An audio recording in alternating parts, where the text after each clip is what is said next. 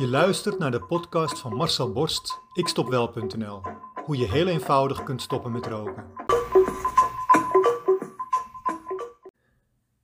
De Zeedijk in Amsterdam. In de middeleeuwen is dit de dijk waarachter de Waddenzee begon. De Zuiderzee heette dat destijds. De plek waar de schepen allemaal aanmeerden. De plek ook waar veel opslaghuizen, kroegen en herbergen zich nestelden. Op de Zeedijk nummer 1 bijvoorbeeld. Herberg Het Aapjen. Een van de twee overgebleven houten huizen die er nog steeds zijn hier in Amsterdam.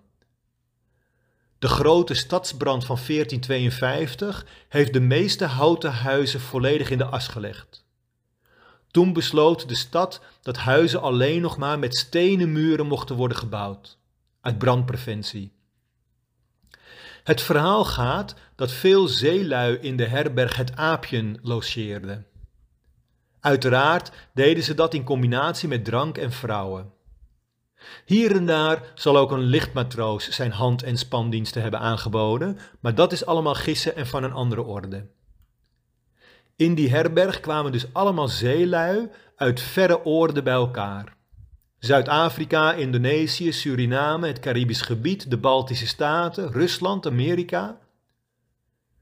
Die lui namen natuurlijk ook allemaal ziektes met zich mee. Scheurbuik en schurft en eczeem en syphilis en platjes. De horeca was toen nog niet zo ver gevorderd als tegenwoordig. Dus je kunt je wel voorstellen dat je na een nacht in het aapje met schurft of luis thuis kwam. En daar komt dus die andere uitdrukking vandaan. In de aap gelogeerd. Want als je thuis kwam met platjes of zwerende wonden of plekken waar niet iedereen zijn snuffert in duwt, dan had je echt wel even een probleem. Tegenwoordig is dat anders. Je kunt prima bij een Van der Valk hotel een nacht doormaken, zonder dat je daarna meteen door moet naar de GGD. Overigens is er geen enkel bewijs dat herberg het aapje ook in de middeleeuwen een herberg was. Het kan dus ook een broodje aap verhaal zijn. Tegenwoordig is de uitdrukking in de aap gelogeerd meer van toepassing op andere zaken. Roken bijvoorbeeld. Als je stiekem rookt en dit verborgen houdt voor je ouders, je vrienden, je familie, en ze komen er toch wel achter. Als je niet stiekem rookt, maar door je rookgedrag als een wandelend stinkdier door het leven gaat, waarbij iedereen je het liefst zoveel mogelijk op afstand houdt. Als je een blind date hebt met een roker die in eerste instantie een perfecte match blijkt te zijn, tot hij zijn mond open doet. En zo kan ik nog wel even doorgaan. Want als je rookt, dan ben je tegenwoordig ook volop in de aap gelogeerd. Je betaalt de hoofdprijs en die gaat elk jaar alleen maar verder omhoog. Je mag nergens meer naar binnen. Zelfs op straat ben je niet meer welkom. Even een terrasje pakken is er niet meer bij en je wordt pas in het ziekenhuis geopereerd als je minimaal een maand gestopt bent met roken.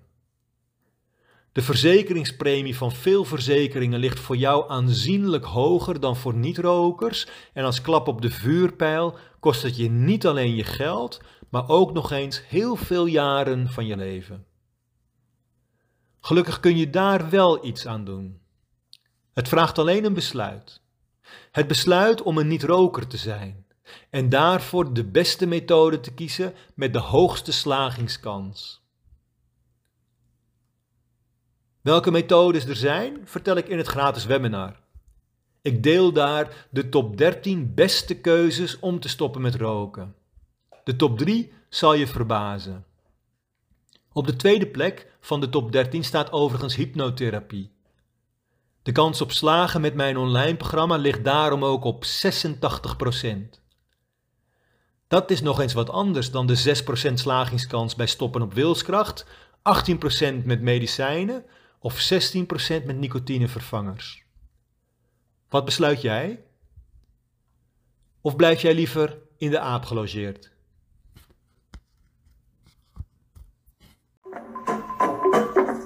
Wil jij ook stoppen met roken? Wil jij jouw rokende collega's van het roken afhelpen? Kijk dan op mijn website ikstopwel.nl en neem contact met mij op.